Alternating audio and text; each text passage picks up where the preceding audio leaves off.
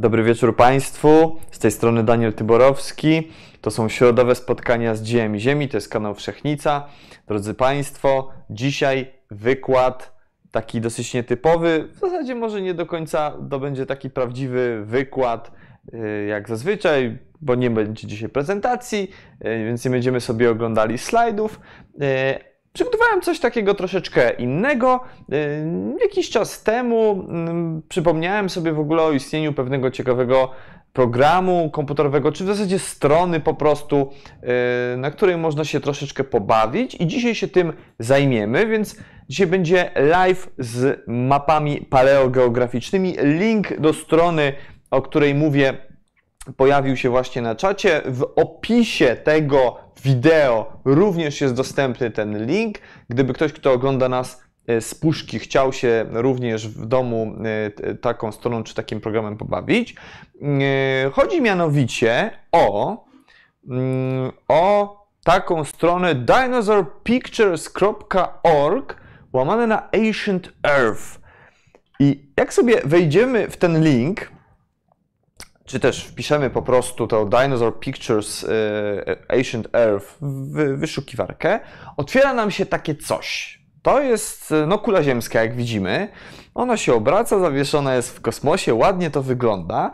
E, no i się troszeczkę pobawimy mm, tym, tym programem czy tą stroną. Tu mamy, zwróćcie uwagę, na dole po lewej stronie mamy 0 million years ago, czyli 0 milionów lat temu jest to Ziemia z dzisiaj, więc widzimy po prostu kulę ziemską.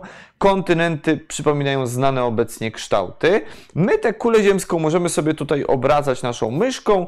Yy, to działa oczywiście i na laptopie, działa i yy, na jakichś innych urządzeniach, na tabletach. Również będzie to działało yy, na telefonie, więc równie dobrze tak trzymając smartfon w ręku możemy możemy się tym pobawić, ale pewnie na takim dużym ekranie widać dużo, dużo lepiej, dużo e, więcej rzeczy, więcej detali. Więc mamy naszą kulę ziemską, no tutaj rozpoznajemy kontynenty, mamy Afrykę, Europę, e, teraz mamy biegun północny, wszystko widzimy jak to mniej więcej wygląda Antarktyda, to znamy. Więc tutaj na dole po lewej będziemy mieli napisane, ile milionów lat temu się znajdujemy. Więc jak mamy 0, no to, no to jesteśmy w dniu dzisiejszym. Natomiast na górze mamy e, taki napis. What did Earth look like Aha, years ago. No i mamy 0 years ago, czyli no jakby 0 lat temu, czyli dzisiaj. Jak Ziemia wyglądała 0 lat temu, czyli dzisiaj. Ale jak sobie otworzymy tutaj, to wyskakują nam już różne miliony lat.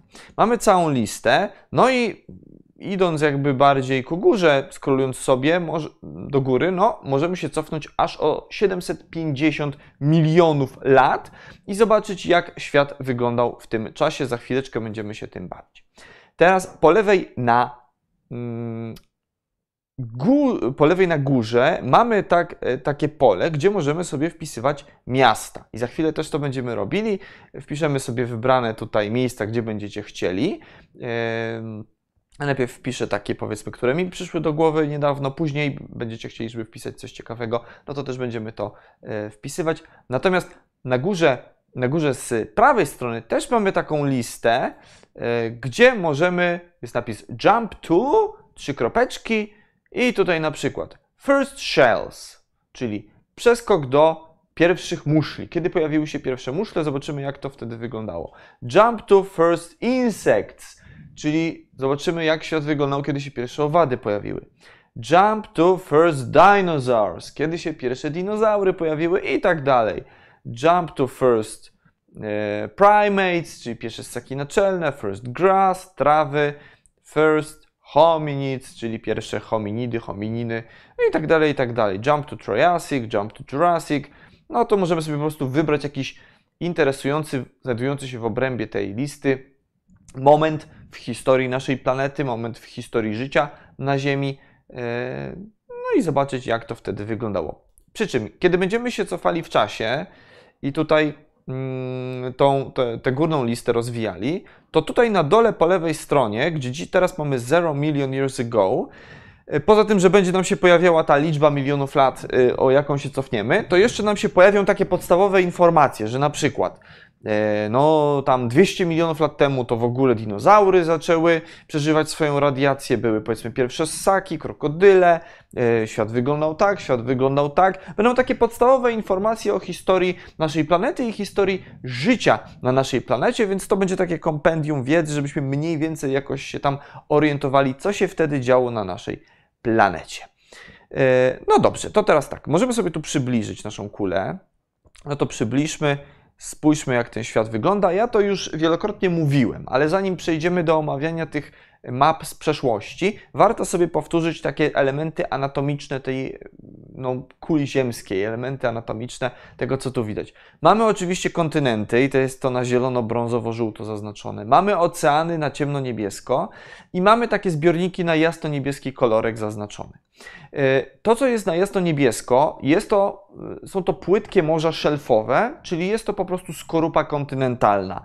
Bo to też pewnie z innych moich wykładów pamiętacie, że generalnie skorupa ziemska dzieli się na dwa rodzaje. Na cienką skorupę oceaniczną, i to jest ta ciemna skorupa, i na stosunkowo grubą skorupę kontynentalną, i to jest ta, e, na której znajdują się kontynenty. I teraz od wahań poziomu morza będzie zależało to, jak bardzo te kontynenty będą przykryte przez zbiorniki morskie.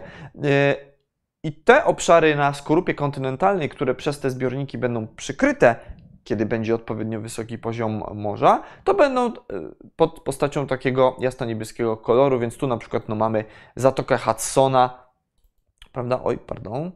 Mamy Zatokę Hudsona. No, widzimy, że to jest taki zbiornik właśnie szelfowy. W naszej części świata, no to oczywiście Bałtyk, prawda? Bałtyk, tutaj Morze Północne, to też jest skorupa kontynentalna. Wszystko.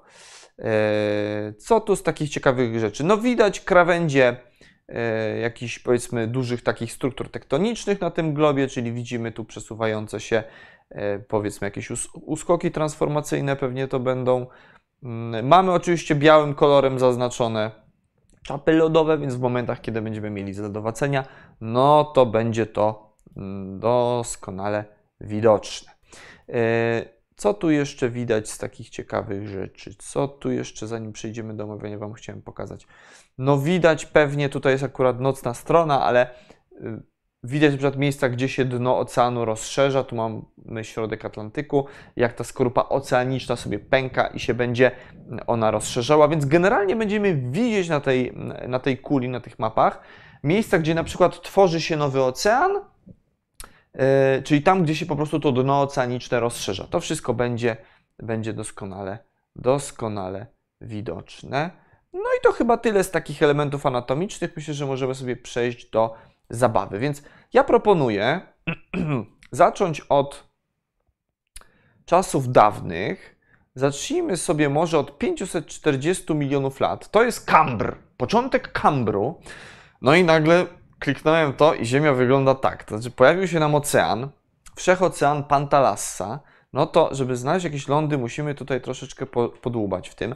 Na szczęście mamy zaznaczony, jakby nałożony na tę kulę podział polityczny, tam gdzie się da, nie wszędzie się da, po, tak po prawdzie, no ale tam gdzie się da, to jest na- nałożone. Yy, No i teraz mamy tutaj różne lądy, pewne elementy podziału politycznego gdzieś tu możemy pewnie rozpoznać. O, tu chociażby Skandynawia jest widoczna, fragment Polski, ale tylko powiedzmy, no taka północno, y, wschodnia i północno-wschodnia część.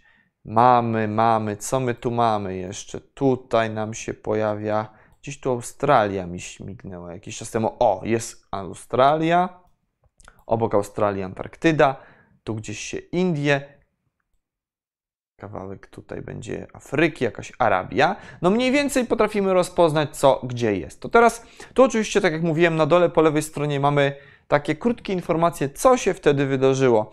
E, wielkie wymieranie miało miejsce, e, eksplozja kambryjska, e, o, zwierzęta zaczęły e, wykształcać muszle i egzoszkielety. No właśnie eksplozja kambryjska. No dobra, to teraz Wpiszmy sobie jakieś miejsce. I tutaj jest pewna baza miast, yy, pewna baza miejsc. To nie jest tak, że możemy sobie wpisać, wiecie, yy, kozią wulkę i ona tam będzie, ale sprawdźmy do świętego spokoju. Ko, kozia. Nie, nie ma. No nie ma koziej wulki, niestety. Nie ma. Nie. No nie, koziej wólki nie mamy, więc musimy wpisywać jakieś takie większe miasta. Dobra, wpiszmy Warszawa. Mamy Warsaw, Mazowia, Polska. I od razu jesteśmy, znaczy ta kula musi się tak zakręcić, no i mamy od razu zaznaczone, gdzie ta Warszawa się znajdowała w tamtym czasie. No to odwiedźmy, odwiedźmy Warszawę. No i widzimy, to jest to, co mówiłem, że tak, mamy, mamy tej Polski jakby kawałek, nie mamy jej całej. Jest to powiedzmy, widzimy, że północno-wschodnia Europa, Skandynawia dość dobrze zaznaczona. E, to jest tak zwany kontynent bałtycki, czyli Baltika.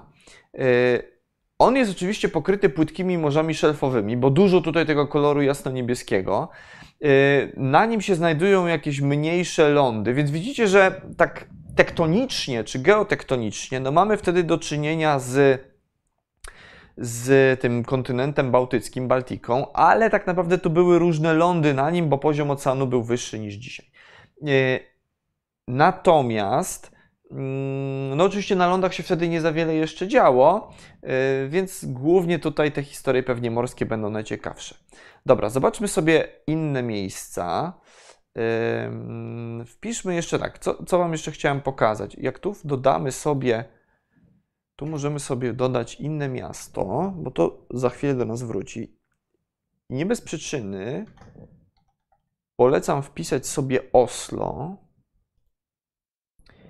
To nam się dodaje Oslo. No i Oslo jest tam, gdzie Oslo powinno być, czyli w rejonie Skandynawii. Widzimy, że ta Baltika jest jakoś tak dziwnie przekrzywiona. To znaczy, no ten kontynent nie był tak, tak ustawiony względem osi północ-południe jak dzisiaj, bo tu mamy te ziemię generalnie w osi północ-południe, e, czyli tak no prawidłowo. No to dziś, dziś, dziś wiemy jak jest, że ta skandy, skandynawska część powinna być bardziej zrotowana. To za chwilę do nas wróci.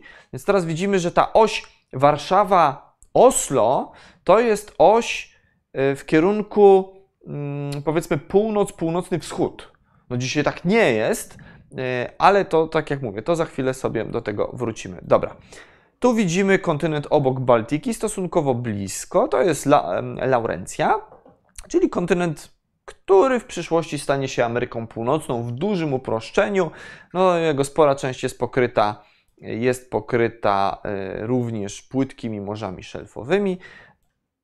Na północ od Baltiki z kolei znajduje się e, Angaria, czyli kontynent odpowiadający dzisiejszej, mm, dzisiejszej powiedzmy Syberii czy, czy środkowej Azji, również przykryty płytkimi morzami. Natomiast na południe od tych wszystkich lądów, Baltiki, Laurencji, Angarii, jest jeden taki duży masyw lądowy, jest to Gondwana kultowy kontynent Gondwana, no, złożony ze wszystkich innych kontynentów, czyli tutaj nawet możemy odnaleźć pewne rzeczy. W ogóle zróbmy to, dodajmy sobie jeszcze miasta jakieś, bo tak, na Gondwanę składała się Afryka, yy, więc możemy sobie wpisać jakieś yy, miejsce w Afryce, yy, na przykład wpiszmy sobie Kair, czy tu coś tu, co, tu coś wyskoczy, nie wyskakuje. Nie ma, dobra, czyli wpisałem Warszawa po polsku, to było, ale to może inaczej. To wpiszmy w takim razie Buenos Aires na, na razie, też coś z południa. O! No nam pokazuje, gdzie jest to Buenos Aires. To jest krawędź, widzicie, tego kontynentu gondwańskiego od strony, od strony tej tego kontynentu Laurencji. To mamy. Czyli wiemy, że tutaj gdzieś ta część Gondwany, najbliżej Ameryki Północnej, czy tej Laurencji, to jest powiedzmy to, co się kiedyś stanie Ameryką Południową. Jak sobie przybliżymy to, no to mamy jakieś granice polityczne, ale tak po prawdzie, no to nie wygląda to jakoś szczególnie tak, żebyśmy tu byli w stanie coś rozpoznać. Przynajmniej ja tutaj, tu widzę Antarktydę, no i ta Ameryka Południowa powinna jakoś się tak w stronę tej, w stronę tej Antarktydy i, i Australii e, powinna się kierować tą częścią, powiedzmy, ziemi ognistej. Dobra, no ale mamy jakieś jedno miasto z tej Gondwany. Wpiszmy jeszcze. wpiszmy jeszcze na przykład mm, Sydney, Nowa Południowa Walia. Poproszę. O! No to widzimy, że Sydney to wtedy w ogóle z tej Gondwany tak wykraczało aż tutaj na, na tę skorupę na tę skorupę oceaniczną prawie, że. E, no ale widzimy, że to generalnie był powiedzmy ten jeden ląd, krawędź tego jednego kontynentu e, gondwańskiego. Dobra, to mamy dwa miasta na Gondwanie, mamy dwa miasta na Baltice. Wy sobie oczywiście możecie wpisywać, co, co Wam się tam podoba. Jeszcze wpiszmy, bo to jest ciekawe, to jeszcze wpiszmy Moskwa. Ciekawe, gdzie Moskwa wtedy jest. No Moskwa też jest na Baltice, widzimy, tu w tej części bałtyckiej, no czyli ta część syberyjska, Angaria, ona była gdzieś, gdzieś dalej. To jeszcze może, jeszcze żeby sprawę utrudnić, mm, jakieś miasto na Syberii, na przykład Jekaterynburg. Ja... Pa, pa, pa, pa. Nie ma. Ja źle wpisuję pewnie przez Y. Nie, to źle wpisuję. To jakoś inaczej się to pisze. A Nowosybirsk? Nowo...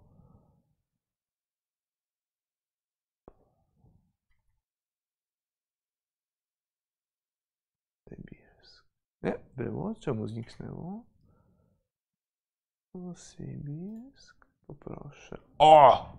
O to mi chodziło. Jak wpisujemy Nowosybirsk, no to daleko, daleko na tej Angarii. Czyli... Yy, Ciekawa sprawa, tak, że dwa miasta, które dziś są na terenie jednego kraju, Oczywiście między Moskwą a powiedzmy Nowosybirskiem nie jest jakoś szczególnie blisko, ale w tamtym czasie, te 540 milionów lat temu, to były w ogóle dwa kontynenty yy, oddzielone skorupą oceaniczną od siebie. Jeden to była Baltika, Moskwa, a Nowosybirsk to jest ta Angaria. A z kolei na Gondwanie, czyli jednym superkontynencie, mamy i miasto z Ameryki Południowej i miasto australijskie, czyli Sydney. No może też nie jakoś oczywiście blisko, ale zdecydowanie bliżej siebie leżały niż y, ma to miejsce dzisiaj. Dobra, więc mamy ten kambr, widzimy mniej więcej jak to wygląda. No to teraz się przesuńmy w czasie. Powiedzmy na na 470 milionów lat, czyli do Ordowiku. Te miasta powinny nam się zachować. Tak, miasta mamy zachowane, czyli ich pozycję cały czas widzimy, gdzie ona się znajduje. Tu widzimy w tej naszej części świata niewiele się zmieniło. To znaczy, no Nowosybirsk, ta Angaria jest tam, gdzie była. Tutaj ta nasza Baltika to mniej więcej też wygląda bardzo podobnie, z taką tylko różnicą, że Zwróćcie uwagę, że te dwa lądy, które te na tej Baltice się znajdowały, one się ze sobą połączyły w taki łukowaty, powiedzmy, kontynent. Tu między Baltiką a Gondwaną pojawia się nam taki łuk wysp, czy taki łuk lądów. Tego nie było w Kambrze. To jest Awalonia. To, to, to są takie to są takie mikrolądy, które sobie z tej Gondwany powoli tutaj w naszą stronę suną. I one się tu już bardzo blisko, widzicie, w tym ordowiku znajdują naszej części świata. Zaraz to się do nas z, zderzy. W obrębie tej, e, tych lądów tu możemy rozpoznać e, Wielką Brytanię, a konkretnie Anglię. Natomiast na samej Gondwanie, na samej Gondwanie no tu się niewiele zadziało. Jeszcze jak sobie, bo generalnie ten układ się nie za bardzo zmienił. Jak weźmiemy 450 teraz milionów lat, o, to zaczynają nam się zlodowacenia Gondwany.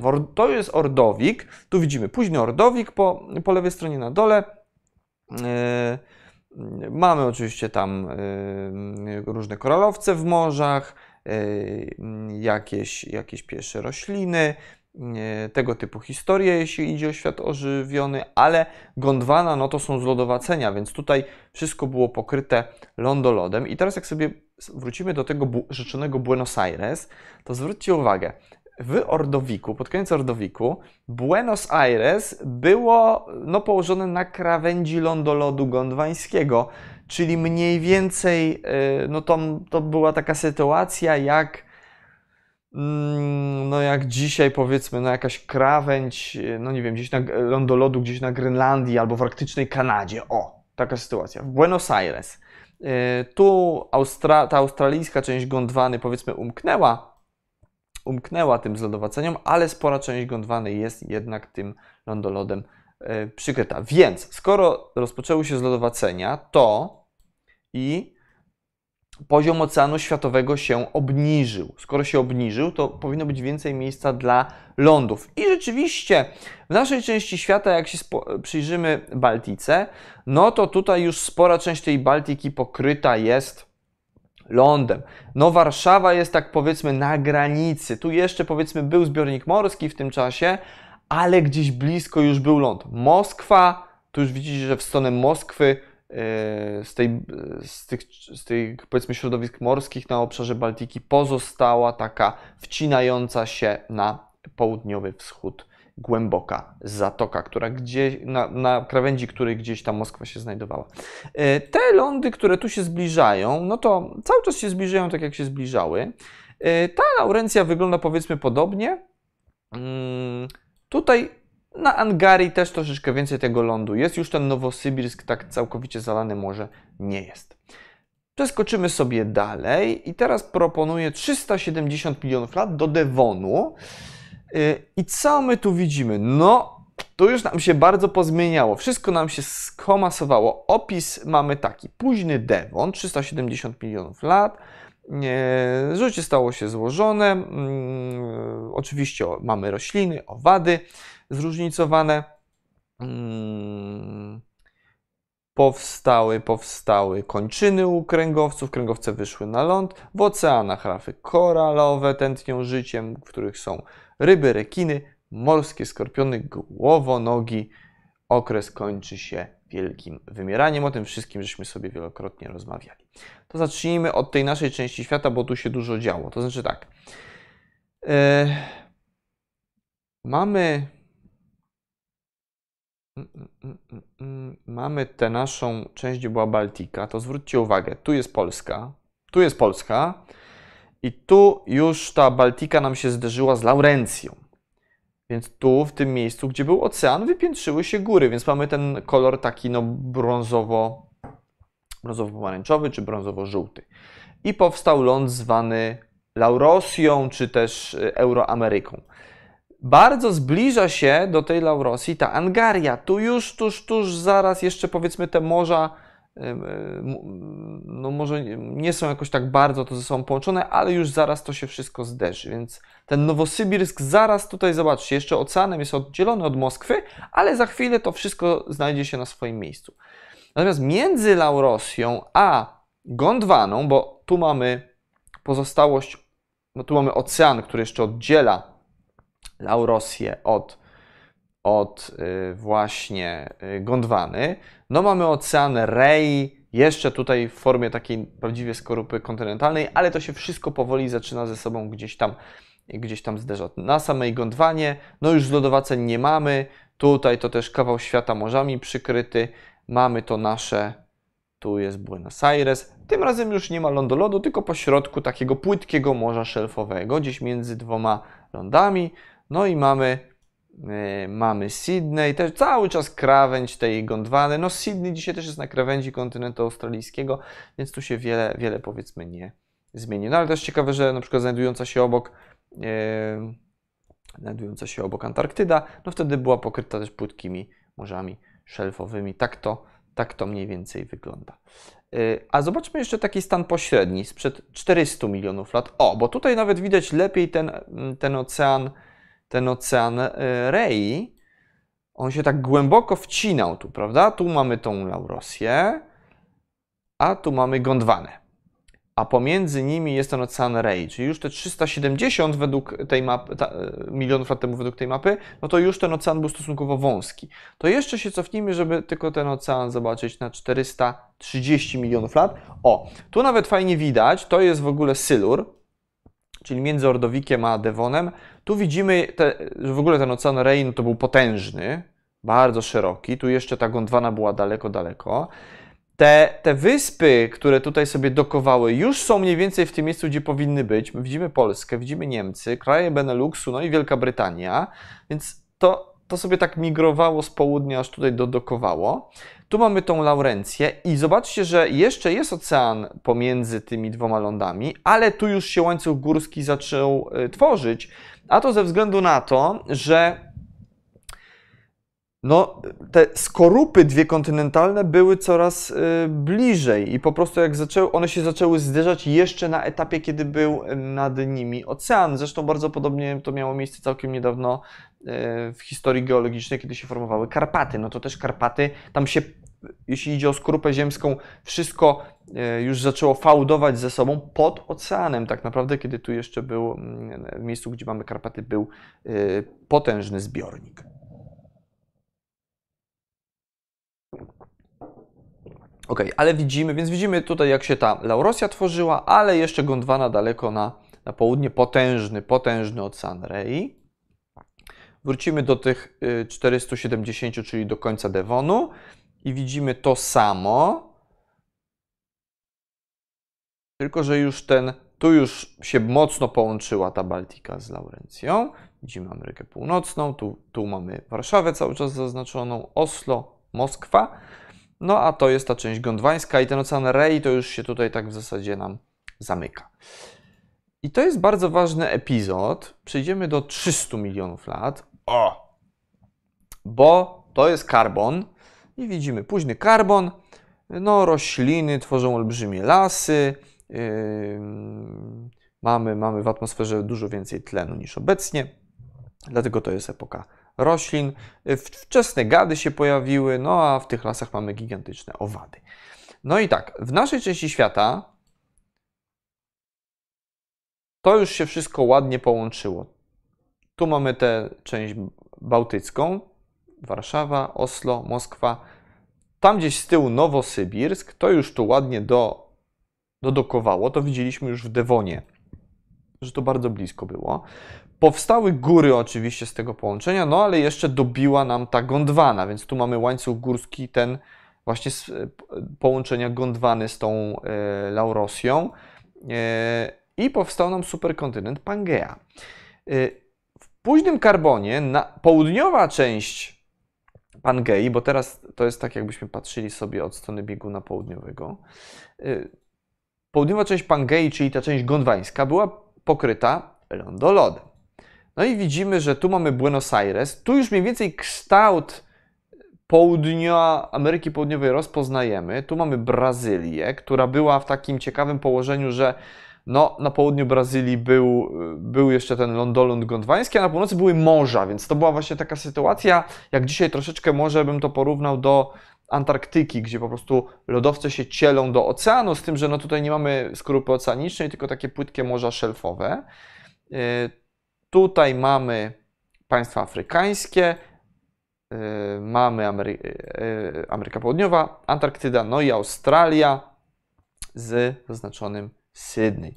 Tak to mniej więcej wszystko wygląda. Z kolei w tej wschodniej części mamy archipelag lądów i jakiś wysepek, który stanie się Azją Południowo-Wschodnią, Chinami między innymi, no i między tym wszystkim Między tym głównym ciałem e, tej Pangei, a tym, tą częścią wschodnią, gdzie właśnie Nowosybirsk i Azja Południowo-Wschodnia, mamy ocean Tetydy. Czy jeszcze, no może w paleozoiku, w karbonie nosi nazwę paleotetydy, ale to jest kwestia nazewnictwa. Generalnie to paleotetyda w mezozoiku przejdzie nam sobie płynnie w tetydę, więc mamy potężny, potężny ocean. Niejako ta część wszechoceanu została tak wykrojona przez te wysepki.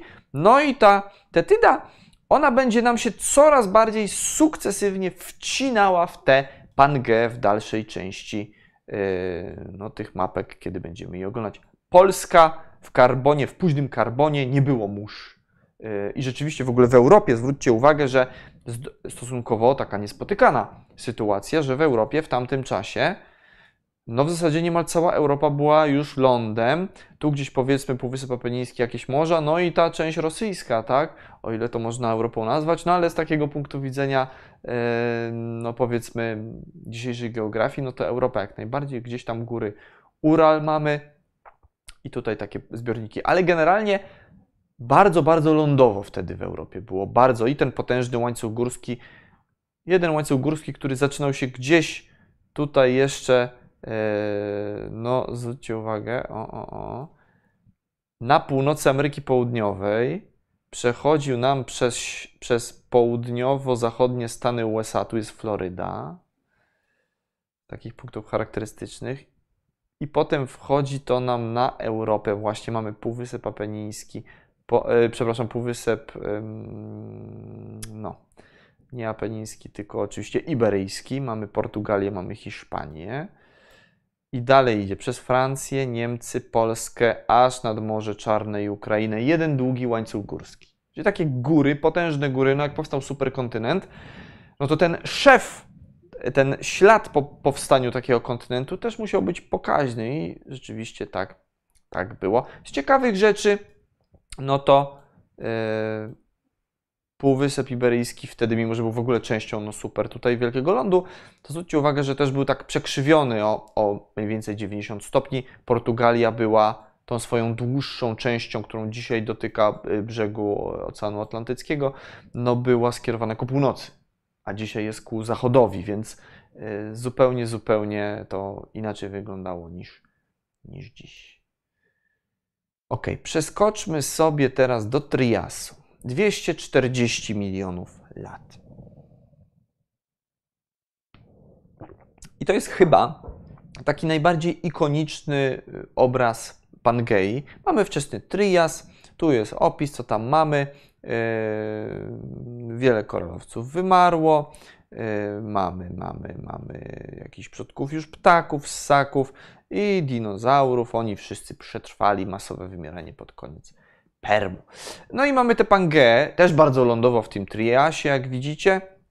Polska, no to w zasadzie już wygląda tak jak dzisiejsza Polska, ale zwróćmy uwagę, że nie ma granicy politycznej jakby na południu, no, po prostu nie ma tej strefy zaznaczonej, gdzie Karpaty będą, bo jeszcze Karpat wtedy nie było. Po prostu tutaj bardzo tak nizinnie było w tamtym czasie. Te, ten łańcuch górski, zobaczcie, jakieś jego szczątki są, to na brązowo mamy zaznaczone, tu od, od Ameryki Południowej, przez właśnie te zachodnie Stany USA, yy, gdzieś tutaj do zachodniej Europy, ale no minęło minęło 60 milionów lat, więc ten łańcuch górski zaczął po prostu erodować. Więc tu już w tej części europejskiej Pangei z tego łańcucha górskiego po prostu niewiele zostało, więc mamy krajobraz taki stosunkowo nizinny. No i tu już suchą stopą można było przejść sobie od Nowosybirska, tak, bo cały czas mamy położenie tych samych miast, przez Moskwę na jednej linii, Warszawę, yy, no aż do, prawda, zwiedzając Buenos Aires, i jeszcze dalej Sydney. Suchą stopą. W zasadzie w ogóle, w ogóle tu w tej części południowej, gondwańskiej, to w ogóle nawet jakichś zbiorników nie ma takich bardziej konkretnych. E, tu z ciekawych rzeczy, które za chwilę będą miały znaczenie, widzimy krawędź Skandynawii, gdzie jest Norwegia, gdzie jest Szwecja. Tu widzimy Grenlandię. Coś tu się dzieje, tu są jakieś morza, ale to są morza płytkie, szelfowe, dlatego kolorek jasno-niebieski. To za momencik będzie miało znaczenie, bo w tym miejscu powstanie jedna z ważniejszych no, struktur takich geologicznych, czy, czy powiedzmy geologiczno-geograficznych, jakie dzisiaj mamy na kuli ziemskiej. Na razie Wam tylko tak zaznaczam, że w tym rejonie były takie płytkie zbiorniki, ale tak, no to suchą stopą od Nowosybirska przez Moskwę, Warszawę, Buenos Aires Mm, aż po, aż po Sydney jeszcze Oslo zwiedzając po drodze. Przyjrzyjmy się teraz pan, pan y, Tetydzie, tak? Ocean Tetydy. No i tu się dzieją ciekawe rzeczy. To jest to, co mówiłem, że mamy tę część, powiedzmy, południowej Azji, gdzieś ona z tego archipelagu się połączyła w taki, w taki łuk ten łuk, który się nazywał, y, ono tak zakręca w stronę właśnie tutaj, powiedzmy tej, w stronę tą europejską, to jest Cimeria i on sobie powoli będzie tak szedł ku górze. Y, I dlatego się mówi, że ta część, która była na północ od tej Cimerii, to jest jeszcze ta paleotetyda, a to, co jest na południe, to już jest ta no, neotetyda, czy po prostu tetyda, ale to jest, wiecie, wszystko nazewnictwo. Generalnie te, ta, ta część azjatycka, ona połączyła się, te wysepki w taki ląd i on po, powolutku, powolutku idzie nam ku północy. Więc część tego zbiornika zostanie odcięty, yy, a ten się będzie poszerzał. I to jest ta właściwa właściwa tetyda, która jak widzimy mocno nam się wcina już we wczesnym Triasie w tę naszą część Pangei, więc za chwilę na południe od nas, no tu już mieliśmy taki ocean prawdziwy, kolor ciemnoniebieski, bo zaraz na południe mamy od Polski, Czech, Słowacji, gdzieś tutaj Węgier, no to już mamy, mamy prawda, ten ocean Tetydy, jego takie najbardziej zachodnie rubieża. Dobra, to przeskoczmy sobie teraz do 200 milionów lat, to jest początek Jury i od razu przyjrzyjmy się no tu jeszcze nam pokazuje, że później Trias, to powiedzmy granica mniej więcej, te 200-199 milionów lat, to w, w, tym momencie jest granica Trias-Jura.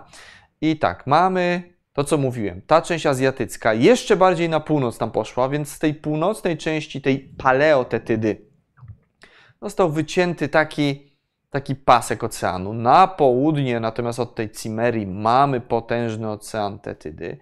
On się nam jeszcze bardziej tutaj wcina, aż zaczyna, zaczynają on się łączyć, y, mieć kontakt z takimi płytkimi zbiornikami mm, szelfowymi na tej Pangei, bo generalnie układ tej Pangei się tu nie zmienił za bardzo, ale ta nasza część świata tu się troszeczkę zadziało.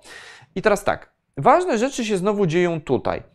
Mm, między tą y, Skandynawią a Grenlandią ciągle mamy te płytkie morza i jeszcze tutaj morze koloru takiego ciemno-niebieskiego, który by nam znamionował yy, skorupę oceaniczną, nie widzimy, ale za chwilę yy, się to zmieni. I mniej więcej na początku Jury, o, już nam się tutaj dużo pozmieniało. Zobaczcie, 170 milionów lat, Pangea zaczyna nam się rozpadać.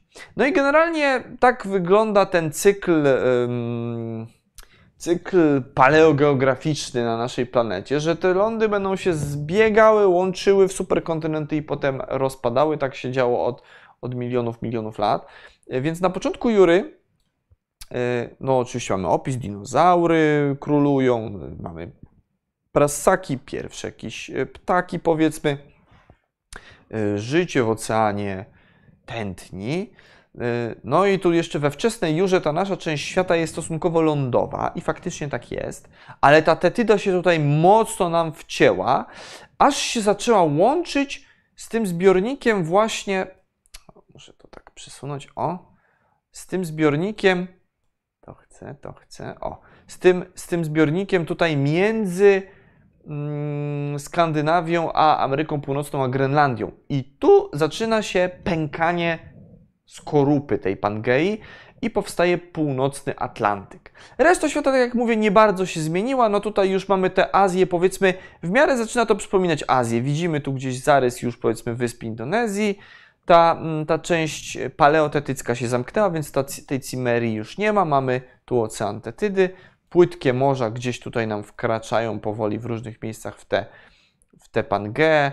One wręcz tutaj sięgają do Ameryki Północnej, Ameryki Południowej, więc w miejscu, gdzie jeszcze chwilę wcześniej w skali czasu geologicznego oczywiście mieliśmy ten długi łańcuch górski, który się ciągnął od Ameryki Południowej przez Stany Zjednoczone po Polskę i dalej Ukrainę i Morze Czarne. No teraz mamy ciąg takich płytkich zbiorników.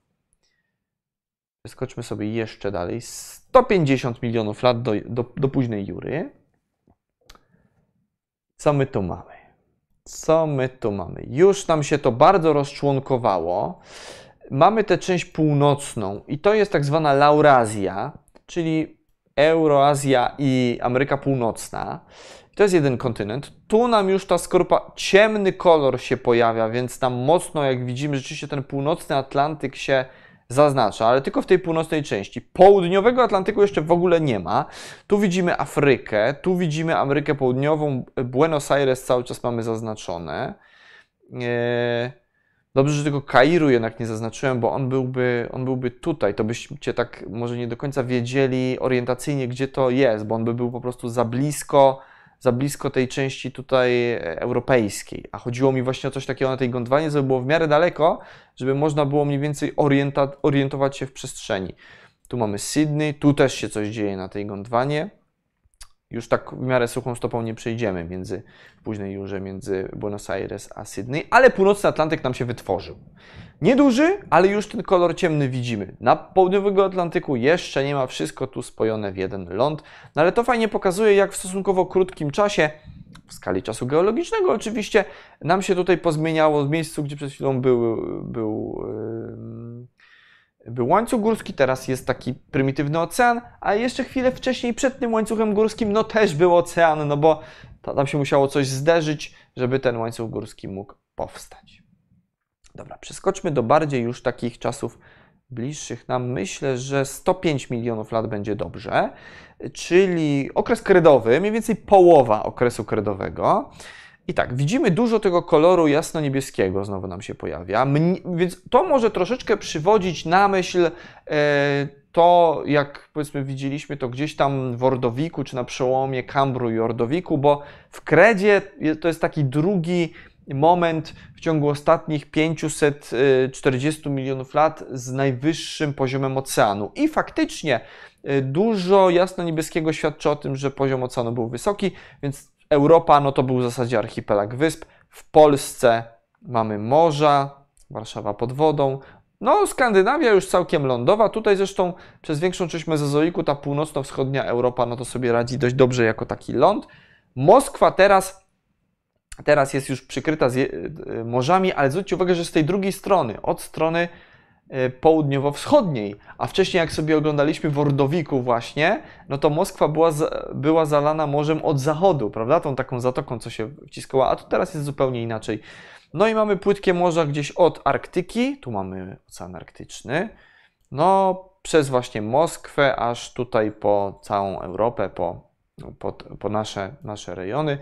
Yy, widzimy Półwysep Iberyjski, że on powoli zaczyna wskakiwać na swoje miejsce. Tutaj w ogóle była jedna taka duża wyspa i widzimy, że to mniej więcej w połowie kredy właśnie jest taki stan pośredni między tym, który mieliśmy, kiedy była Pangea i, ta, i ten półwysep był tak przyklejony tutaj do, do Półwyspu Bretońskiego w, we Francji, a tym stanem dzisiejszym, prawda? Ta, ta Portugalia jest tak pod kątem troszeczkę. To jeszcze nie wygląda tak jak dzisiaj, ale już mniej więcej przyjmuje to ten kształt. E, jak się oddalimy jeszcze, no to tak, Ameryka Północna, no całkiem zaczyna to przypominać Amerykę Północną. Od północy tu się wcinają jakieś morza, od południa też się wcinają morza, za chwilę to się połączy. No, ale tu na Gondwanie się dzieją ciekawe rzeczy, bo tak, Atlantyk oczywiście mamy, widzimy już taki całkiem rozwinięty. No ciągle to jest wąski ocean, ale już jest między właśnie tą Europą i Ameryką a, a Gondwaną. A tu zaczyna nam coś pękać. Zaczyna nam pękać. I jak przybliżymy się, to zobaczymy, gdzie to pęka. Pęka między Ameryką Południową a Afryką.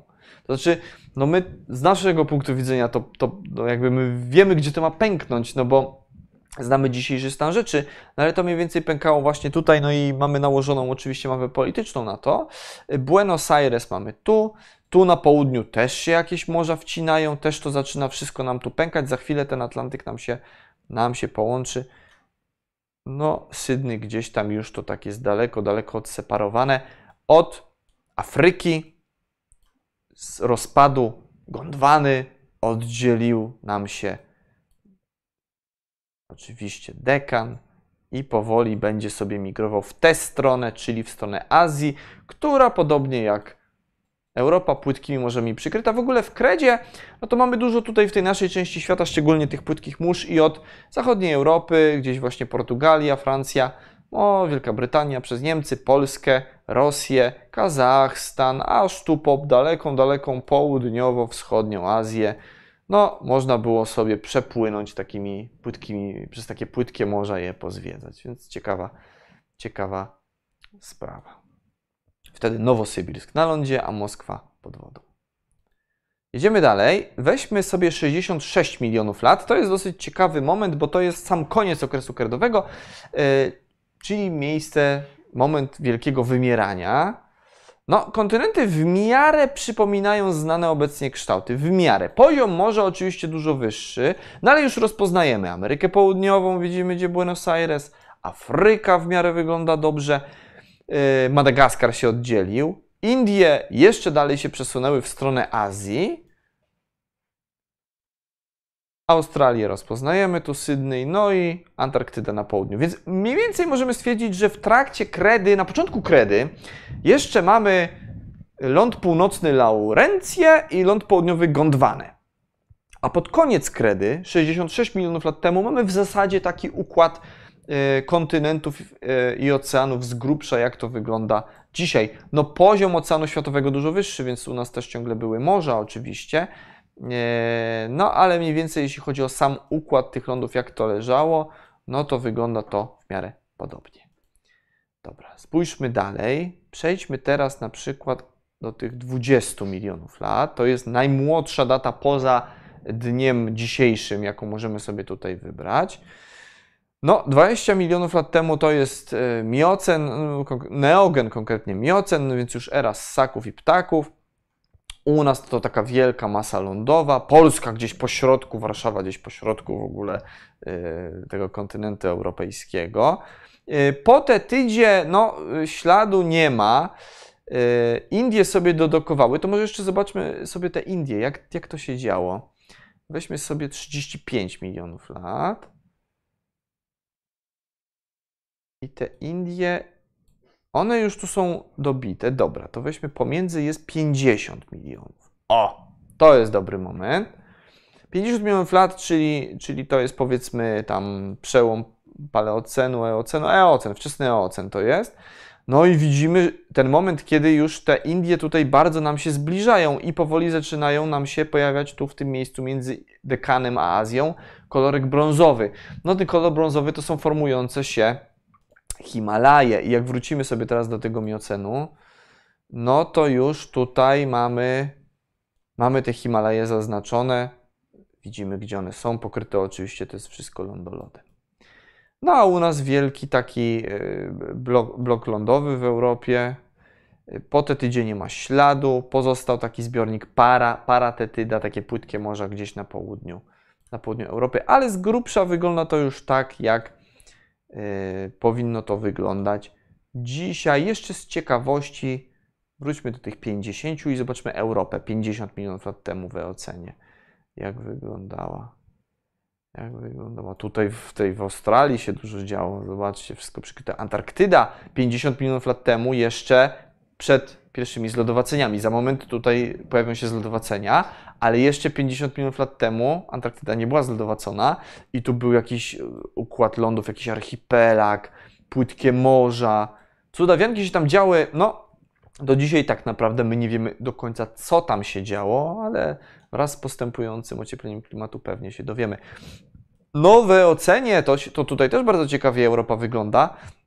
Jakieś płytkie zbiorniki tutaj od północy nachodziły. Poziom morza ciągle był dużo wyższy niż dzisiaj, taki mniej więcej jak pod koniec ery dinozaurów. Może nie aż tak wysoki, ale bardzo podobny, więc generalnie no nie ma czap lodowych, no to północna i zachodnia Europa pokryta płytkimi morzami. Tu Polska gdzieś, Warszawa powiedzmy gdzieś była blisko, blisko E, blisko krawędzi, no blisko brzegu morskiego. E, no, generalnie zachodnia i północno-zachodnia Polska była przykryta morzem, a od południa mamy te, e, te paratetydę, która tutaj jest taką pozostałością właśnie po oceanie. Oceanie Tetydy. No dobrze, tak to wygląda. Taka luźniejsza forma. Ciekawe, czy Wam to się spodobało. Rzucę okiem, co, co pisaliście. E, na czacie. Może, może macie jakieś propozycje, co wyszukać? Chcecie, żebym coś wyszukał? To zaraz wpiszemy i spróbujemy coś znaleźć. Łyczek wody 1, 2. I zobaczymy. Każdy może z Was się tym oczywiście bawić yy, u siebie. Jeżeli chcecie, żebym coś tutaj wpisał koniecznie, no to zaraz wpiszemy, zobaczymy. Zobaczymy na czacie. Co tutaj piszecie? Dzisiaj to w ogóle mam takie inne stanowisko. Krzysiek mi przygotował taki super ekran, mam klawiaturę, myszkę, wszystko widzę e, na takim no, bardzo do, w dobrej jakości. O, dobre stanowisko dzisiaj mam. Nie tam na laptopie, tylko wiecie, profesjonalnie. Zobaczymy, zobaczymy. Wodzisław, województwo świętokrzyskie. Yy, chyba nie będzie, bo to jest, bo to jest yy, zbyt małe miasto po prostu, ale wpiszmy.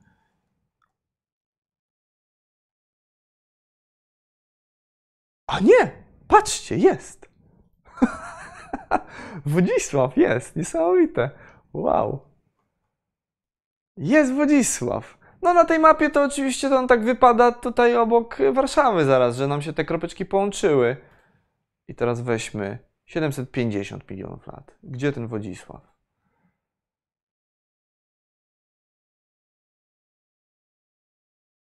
O, tu coś inaczej, zobaczcie.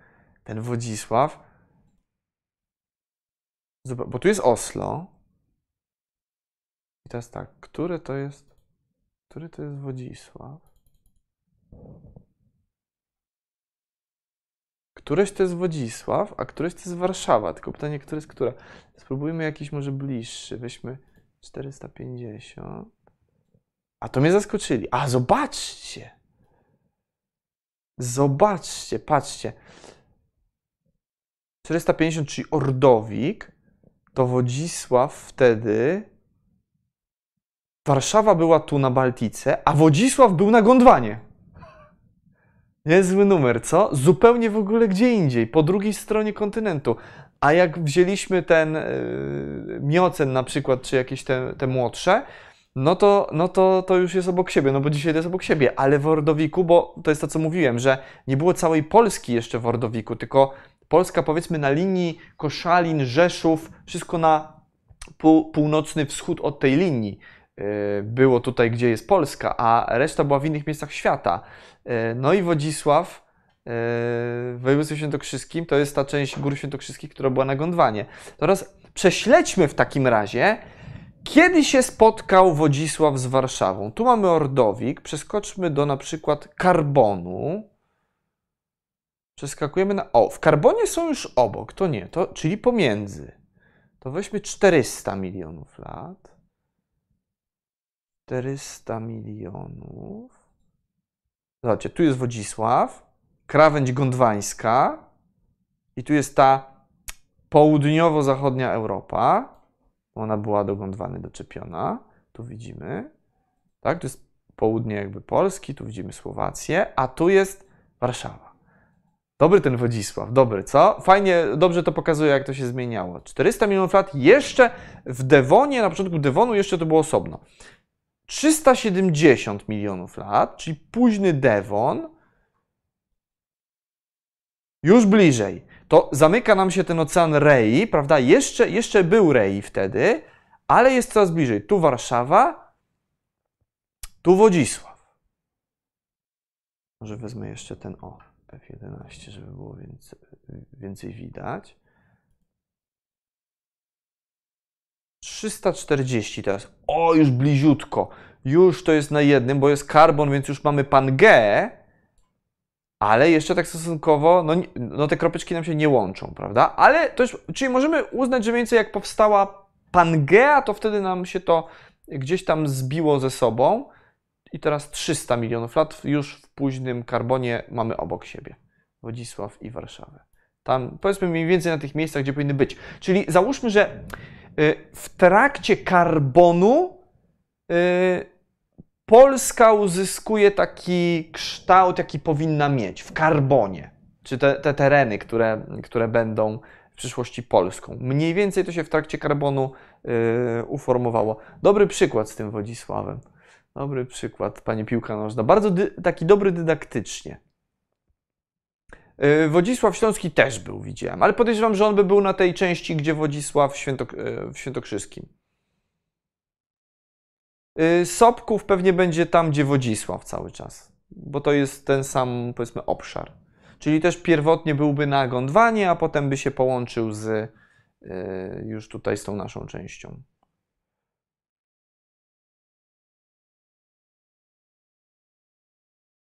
Czy coś może wpływać na zmianę przewidywanego kierunku ruchu płyt tektonicznych, np. wybuch superwulkanu albo uderzenie ciała niebieskiego? Czy coś może wpływać na zmianę przewidywanego kierunku?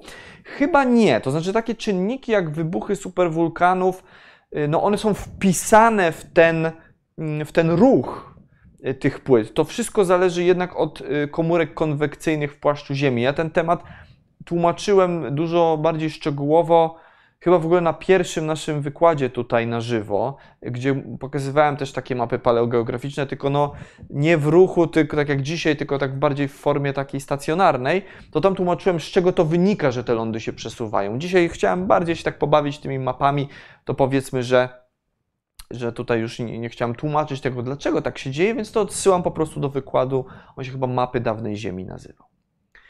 Pozdrawiam z Oslo, Ireneusz Czuryk. Pozdrawiamy Oslo. Oczywiście cieszymy się, że znalazło miejsce na dzisiejszym spotkaniu. Kraków będzie tam, gdzie Wodzisław, czyli w tej południowej części Polski. Więc Kraków, powiedzmy, zbliżył się do Warszawy w trakcie karbonu.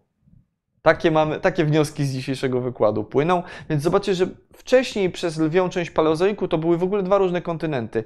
Warszawa była na mm, Baltice i e, potem Laurosji, a, a, a, a Kraków byłby. Kraków i południowa Polska byłaby na Gondwanie, i później to wszystko się spotkało w Karbonie na Pangei.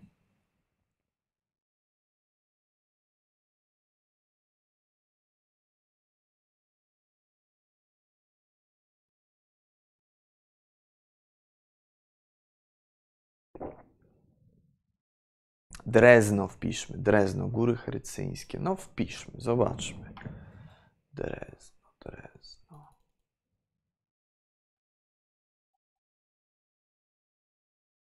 Było, było. Dobra. No to jak Góry Herycyńskie, no to to jest ten moment mniej więcej, karbon. No to są, to są te, te, te herycynidy właśnie, które nam tu powstały, duże.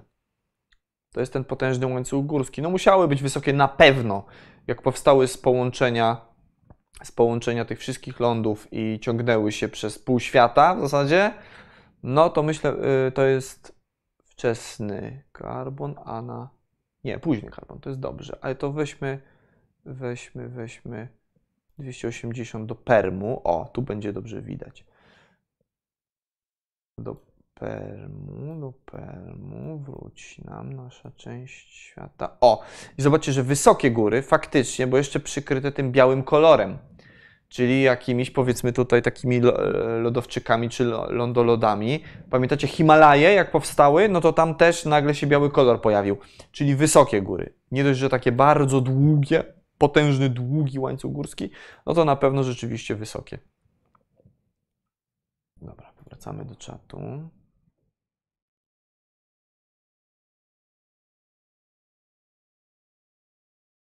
Ile musiało być gatunków endemicznych na tych wyspach? No to prawda, to prawda, musiało być ich bardzo dużo. Pewnie o większości się nigdy nie dowiemy. A jeszcze jedną rzecz miałem Wam pokazać. Przepraszam, najmocniej, zapomniałem. Miałem Wam pokazać, jak. Pamiętacie tę oś, co powiedziałem na początku, Oslo-Warszawa. To wróćmy sobie do Kambru, 540 milionów lat i mamy jeszcze tę Baltikę. Tu jest Warszawa, tu jest Oslo.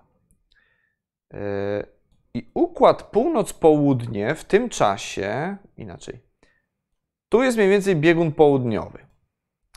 Czyli jak obrócimy Ziemię prawidłowo, patrząc. Proszę tutaj, proszę działać. Co to ma być? Kuloziemska.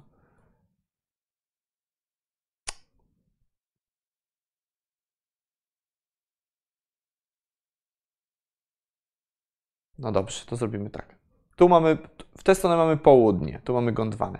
Czyli ta linia yy, Warszawa-Oslo to jest linia mniej więcej yy, jakby do Oslo, jakbyśmy chcieli wtedy polecieć samolotem albo popłynąć statkiem, to byśmy płynęli na, w kierunku północno-wschodnim. Mniej więcej tak jak dzisiaj byśmy podróżowali do, do, nie wiem, Rygi, albo do Talinu, albo do Helsinek, o, coś takiego.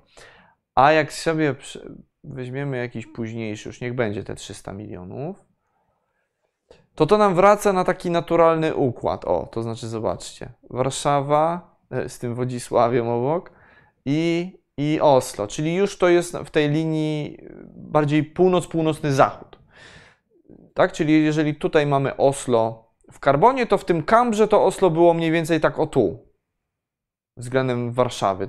Czyli ta Baltika, ona się tak przekręciła, zrotowała. To taka ciekawostka mała.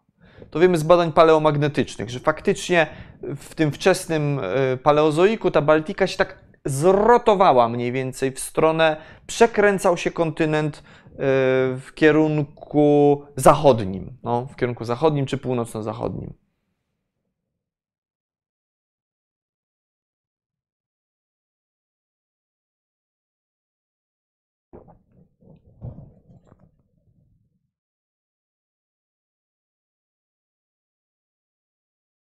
Dajcie znać w ogóle y, ci z Was, którzy się bawili w trakcie, jak Wam, co tam, może coś ciekawego znaleźliście też na, na, ty, na tej mapie. To jest fajne. Ja, ja ostrzegam, że to w, yy, wciąga.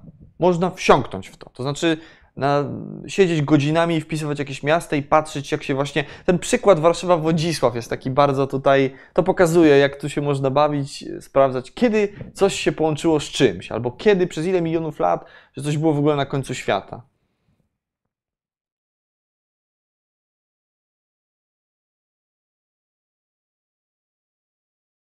Ty, dochodź do tatusia.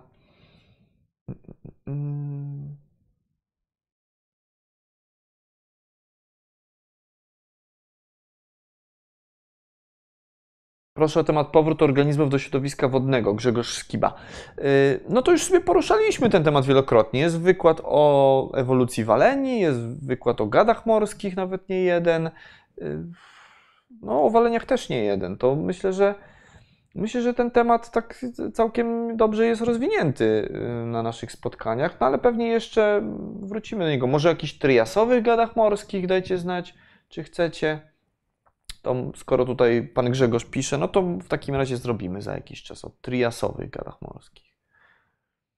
Takich ziemnowodnych powiedzmy, o. O wężach. No dobrze, dobrze.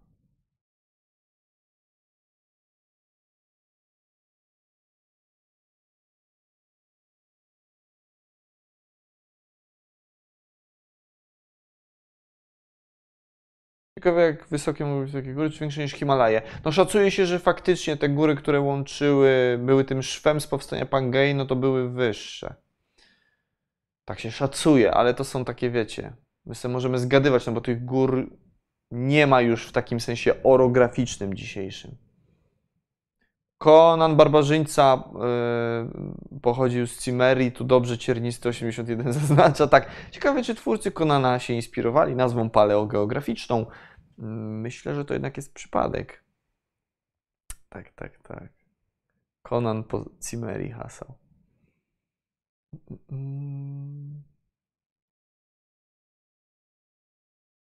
Tak, no właśnie 470. Kraków i Warszawa na innych kontynentach. Tak samo jak Warszawa i Wodzisław.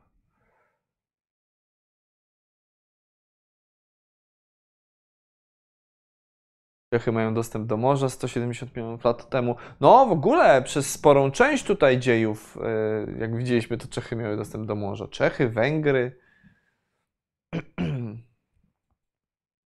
Czy są gdzieś dostępne mapy geologiczne z najstarszymi kratonami? Krzysztof Kubas.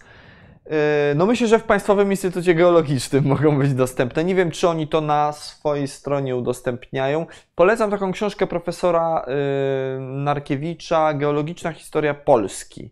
I tam zdaje się, że są jakieś takie mapki z tymi kratonami. Tak mi się wydaje, że na początku, na początku są. Polecam sobie sprawdzić. Geologiczna historia Polski, e, profesor Marek Narkiewicz.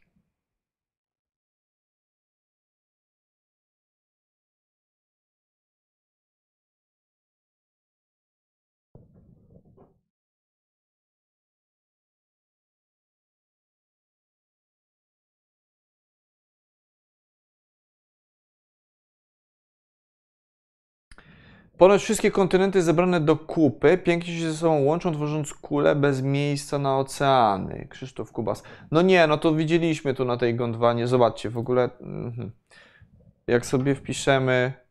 No dobra, mamy ten karbon, ale to jeszcze chyba najlepiej to w Triasie było widać. 240 milionów lat. O, gdzie mamy pan G. No i jak wszystko jest zusammen do kupy, to ciągle z drugiej strony jest, jest, jest kupa wody, jest ocean.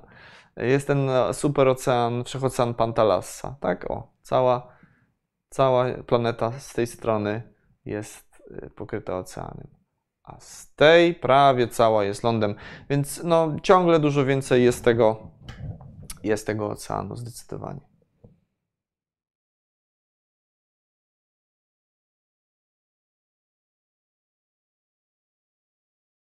W jaki sposób powstał grzbiet śródoceaniczny między Grenlandią i Europą? Skorupa pękała przez naprężenia, czy były jakieś inne przyczyny? E, Robaki pisze.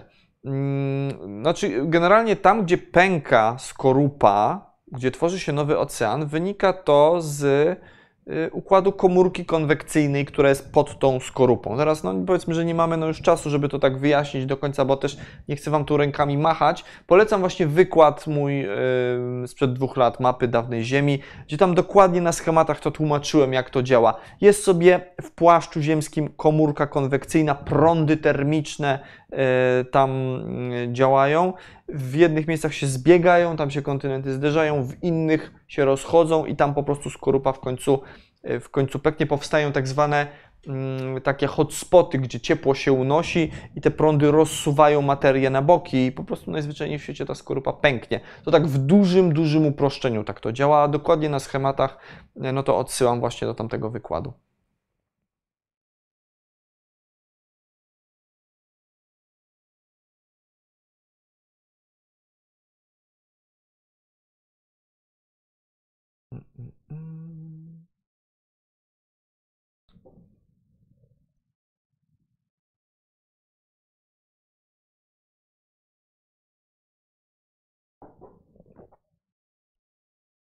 Dobrze, widzę, że się Wodzisław spodobał.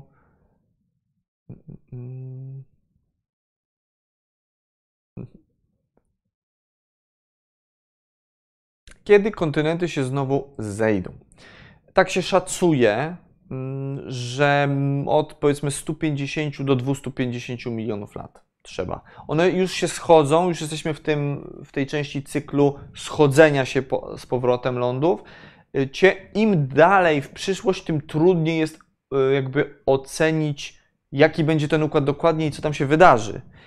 Na te powiedzmy najbliższe 50, może 70 milionów lat w miarę jesteśmy w stanie powiedzieć. No i to wszystko pokazuje, że to rzeczywiście idzie w stronę połączenia.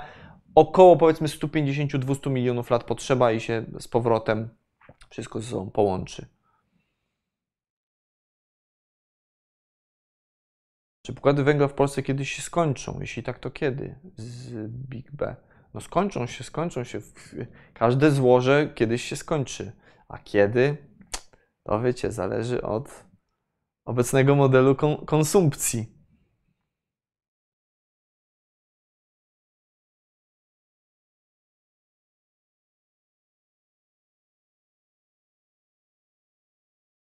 jaki będzie kształt kontynentów za powiedzmy 500 milionów lat yy, zabity. No to 500 y, milionów lat to już jest chyba zbyt daleko, żeby móc to stwierdzić, bo tak jak mówię, im dalej w czasie, w przyszłość, tym trudniej jest prognozować. Wiecie, jak z prognozowaniem pogody. My możemy sobie pogodę prognozować, wiecie, czasami y, niektórzy mówią, że nie wierzą w mm, przepowiednie pogody dalej jak na wczoraj i bardzo trudno jest tam, nie wiem, za 2-3 dni powiedzieć, tak? To się czasami udaje, ale no niekiedy, wiecie, Zubilewicz w telewizji też mówi, że ludzie go na ulicy zaczepiają, miało być słońce, a padał deszcz tam za dwa dni, y, no bo to jest generalnie trudne.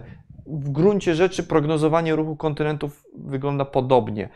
Za 50-30 milionów lat też jest ciężko to przewidzieć, ale na pewno łatwiej niż za 300, 400 czy 500 i tyle. Więc dokładnie jak będzie za 500, no tego nie wiemy niestety.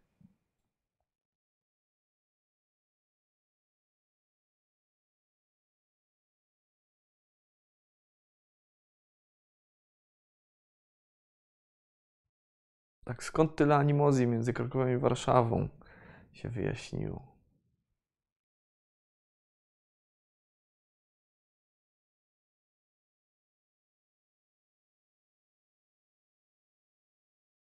Może wykład o Ziemi Śnieżce. No może, może.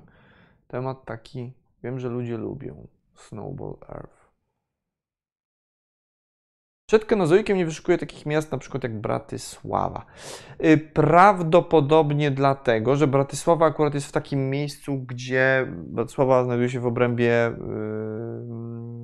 łańcucha górskiego Alpidów, które ta część akurat mogła, no Karpaty, tak, to są Alpidy, które mogła po prostu nie istnieć w tamtym momencie, więc ta mapa może do końca nie jakby nie generować tego, czego wtedy nie było tak fizycznie, nie było tego łańcucha górskiego, to może na przykład Bradysławy nam nie pokazać, prawda? Tak mi się wydaje, że to dlatego.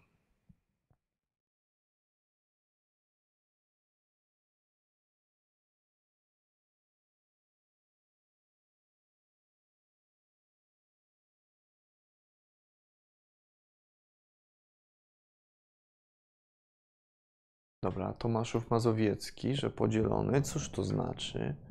Cóż to znaczy? Tomaszów Mazowiecki.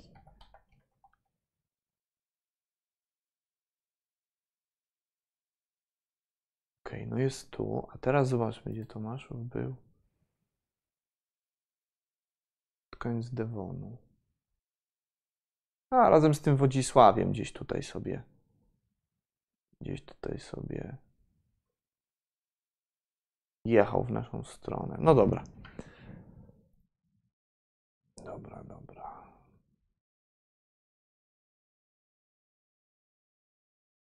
Czy na superoceanie mogły być pojedyncze wyspy, na przykład powstałe w wyniku erupcji wulkanicznych Maciehala? No pewnie, że tak, oczywiście, że mogły. Generalnie no, wszystko to, co było na tych płytach mm, oceanicznych, to przepadło też bez wieści, my, bo te płyty potem, wiecie, wjechały pod, y, pod skorupy kontynentalne i my z, w jej części historii naszej planety, tego co się działo na skorupie oceanicznej, to nic nie wiemy.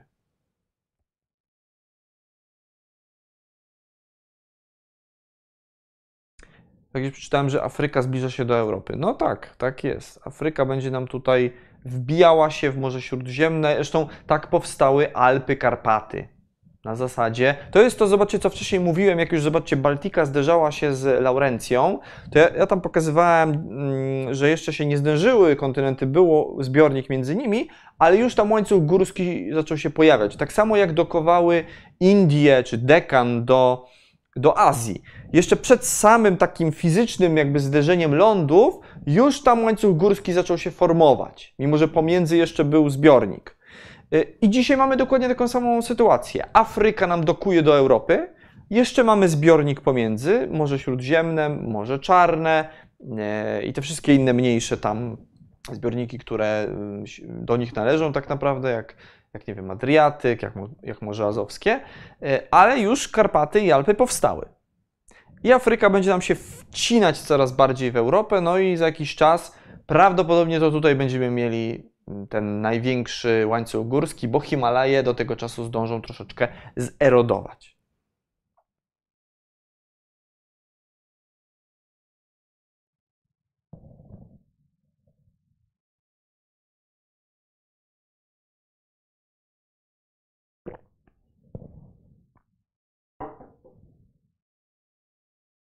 No dobrze, moi drodzy.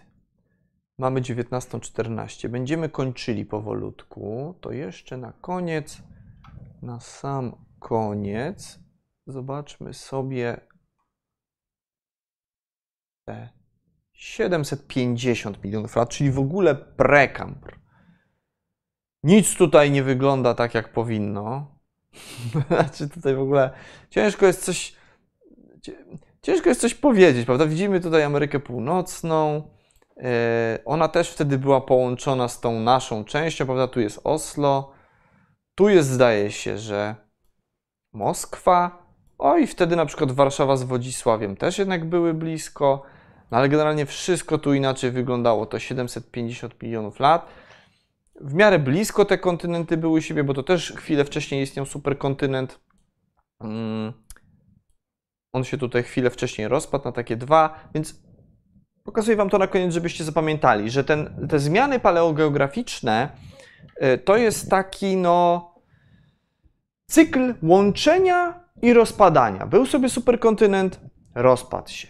Po jakimś czasie tak się ułożyły te komórki w płaszczu, że znowu to się połączyło, potem się znowu rozpadło, więc szanse, że za ileś tam milionów lat będziemy mieli super taki superkontynent, też są oczywiście bardzo, bardzo duże. No dobrze, moi drodzy, dziękuję Wam pięknie za dzisiejszy wykład.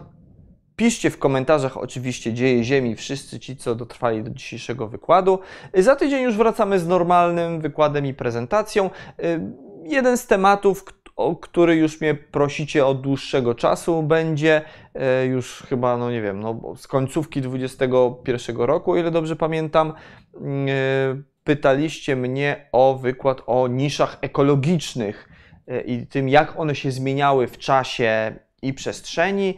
I właśnie taki wykład będzie za tydzień, czyli porozmawiamy sobie o tym, jakie nisze ekologiczne w ogóle istniały w przeszłości geologicznej, jakie istnieją dzisiaj i jak się zmieniały w czasie i czy to jest tak, że od zawsze mamy takie same nisze ekologiczne i tyle ich samo, co dzisiaj? Jeżeli jesteście ciekawi, to bądźcie tutaj ze mną za tydzień. Dziękuję Wam pięknie. Ja się nazywam Daniel Tyborowski. To były środowe spotkania z dziejami Ziemi. Do zobaczenia za tydzień tutaj na kanale Wszechnica. Paleontologiczne pozdrowienia. Cześć!